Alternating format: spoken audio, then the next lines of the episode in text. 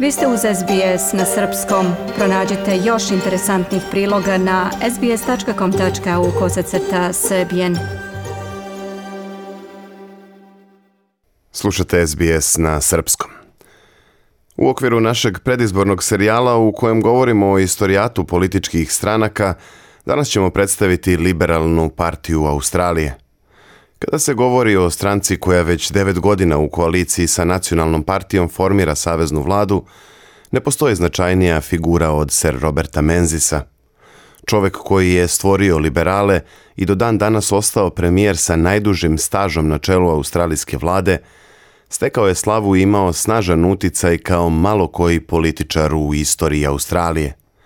Već decenijama unazad ne prođe ni jedna predizborna kampanja, a da kandidati liberalne partije ne citiraju neku od čuvenih rečenica Sir Roberta Menzisa, ali ova je pogotovo ostala upamćena. Fellow Australians, it is my melancholy duty to inform you officially Sunarodnici Australijanci imam melanholičnu dužnost da vas zvanično obavestim da je kao posljedica upornosti Nemačke da izvrši invaziju na Poljsku, Velika Britanija objavila rat i da je zbog toga Australija također u ratu.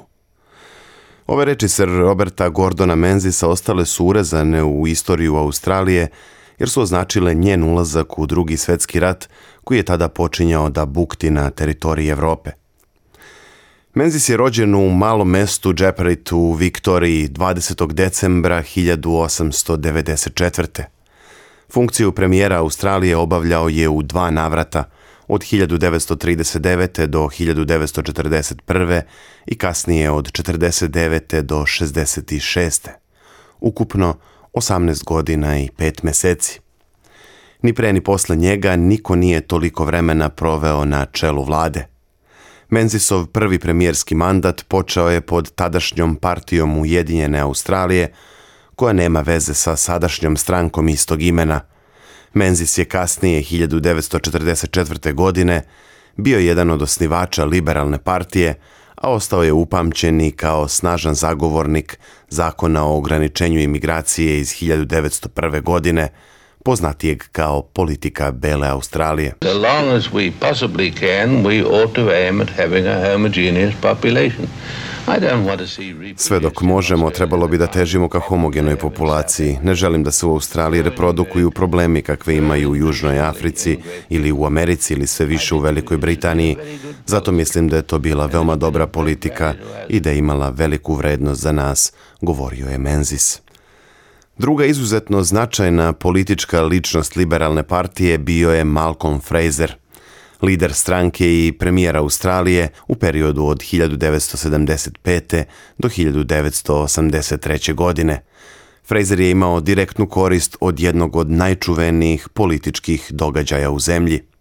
Naime, kao opozicioni lider, kroz Senat je blokirao usvajanje zakona o budžetu predloženog od strane tadašnjeg laborističkog premijera Gofa Vitlama tokom oktobra i novembra 75. Blokiranje tog zakona dovelo je do toga da je generalni guverner Sir John Kerr 11. novembra oduzeo Vitlamu mandat i postavio Frasera za privremenog premijera. There will now be an election as the Constitution requires. Sada će u skladu sa Ustavom biti održani izbori. Poštovanje odredaba Ustava je velika odbrana naše demokratije i narod Australije će reći svoje, glasačke kutije će pokazati njihov izbor. Malcolm Fraser je pobedio na tim izborima i to ogromnom većinom. Kao premijer, Fraser je bio ekonomski konzervativan, ali je smatran prilično progresivnim po društvenim pitanjima – Njegova vlada je ne samo nastavila, već i proširila reforme koje su pokrenuli laburisti, kao što je uvođenje porodičnog suda, zatim proglašavanje delova velikog koralnog grebena za pomorski park, kao i osnivanje SBS-a. A 90. godine prošlog veka obeležio je još jedan liberalni lider koji je stao u red premijera sa najdužim stažom, odmah iza Sir Roberta Menzisa.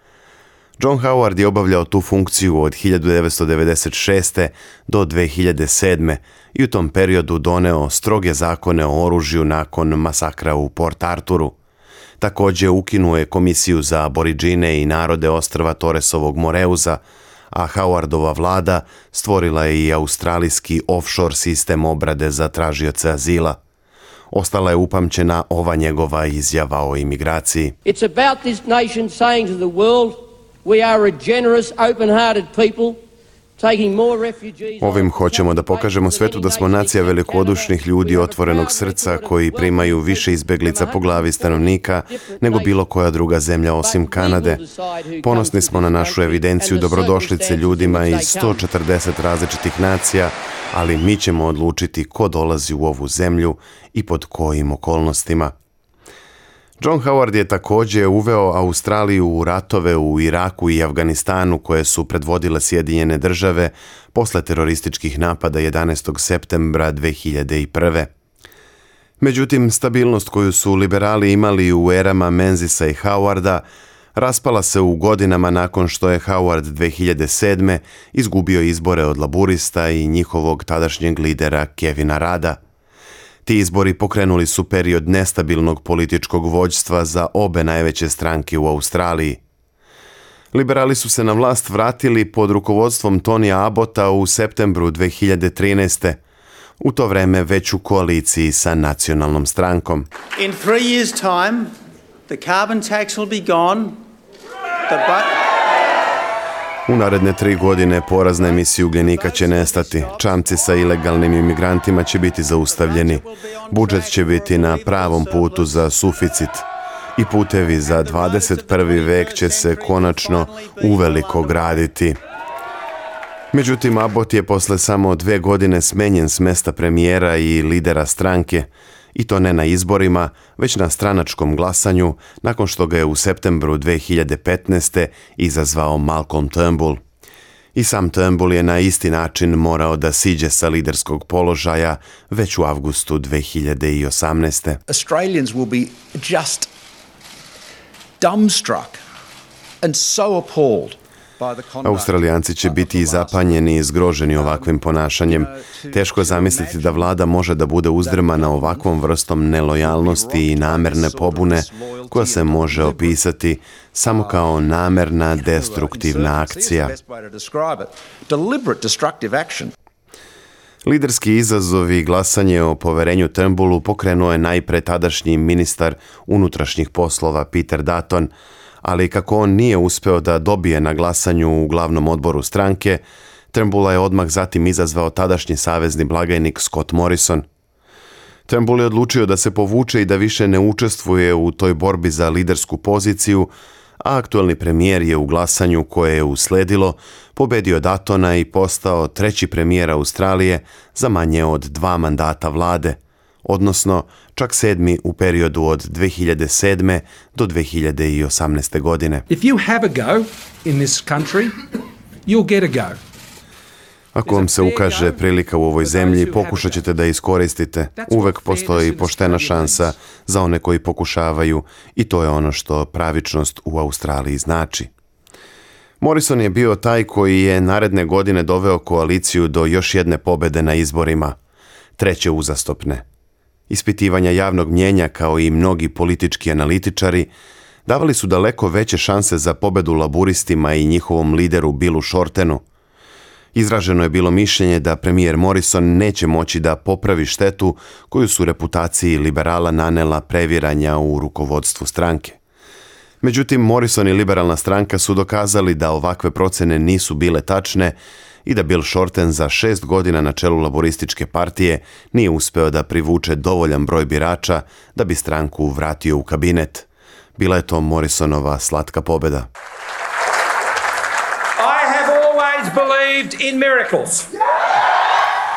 Uvek sam verovao u čuda, a večeras nam se dogodilo još jedno.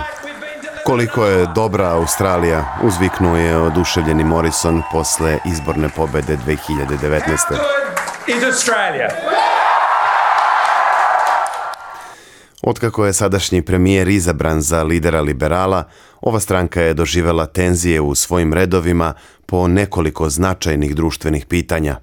Neka od najznačajnijih su istopolni brakovi i klimatske promene.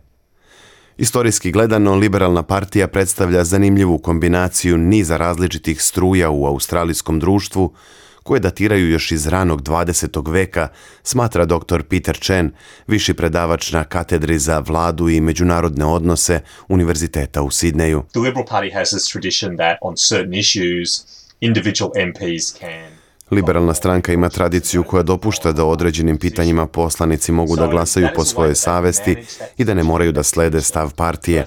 Na taj način je ova stranka uspela da upravlja tom unutrašnjom krhkošću i tenzijom, ali mislim da postoji velika distanca između socijalno-konzervativne i umerene struje unutar stranke. To se donekle odražava kroz veće okretanje birača nezavisnim kandidatima koji su recimo usmereni na klimatska pitanja kao što to Zali Stegali i njoj slični. Na papiru mnogi od tih kandidata bi verovatno bili liberali i činili bi tu neku progresivnu struju, ali to što se kandiduju kao nezavisni, a ne kao deo liberalne stranke, pokazuje da suštinski postoji taj problem unutar partije po pitanju rešavanja nekih ključnih pitanja, kao što je, na primjer, klima, kaže dr. Chen. Ovaj politički ekspert dodaje i to da su liberali oduvek uspevali da imaju velike podele u svojim redovima, još od formiranja stranke 1944. godine. Iako to ne smatra za problem koji bi mogao da dovede do nestanka stranke, Dr. Chen kaže da je to definitivno nešto čime liberalna partija treba da se izbori zajedno sa pitanjima o vođstvu i jedinstvu stranke uoči predstojećih izbora, ali i kasnije. Jedna od tema o kojima su u poslednje vreme učestalo izveštava su napadi na integritet, poštenje i ponašanje premijera. Živimo u onome što ponekad nazivamo predsjedničkim sistemom. Iako nemamo predsjednika, premijer je iz različitih razloga mnogo važnija ličnost u našem političkom miljeu posljednjih decenija. Zato napadi na lidersku figuru mogu biti veoma štetni za stranku u celini.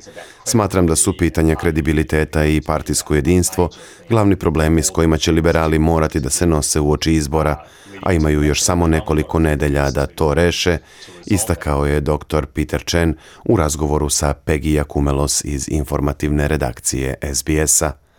Moje ime je Branko Cvetojević. Ostanite uz SBS na srpskom jeziku. Želite da čujete još priča poput ove? Slušajte nas na Apple Podcast, Google Podcast, Spotify ili odakle god slušate podcast.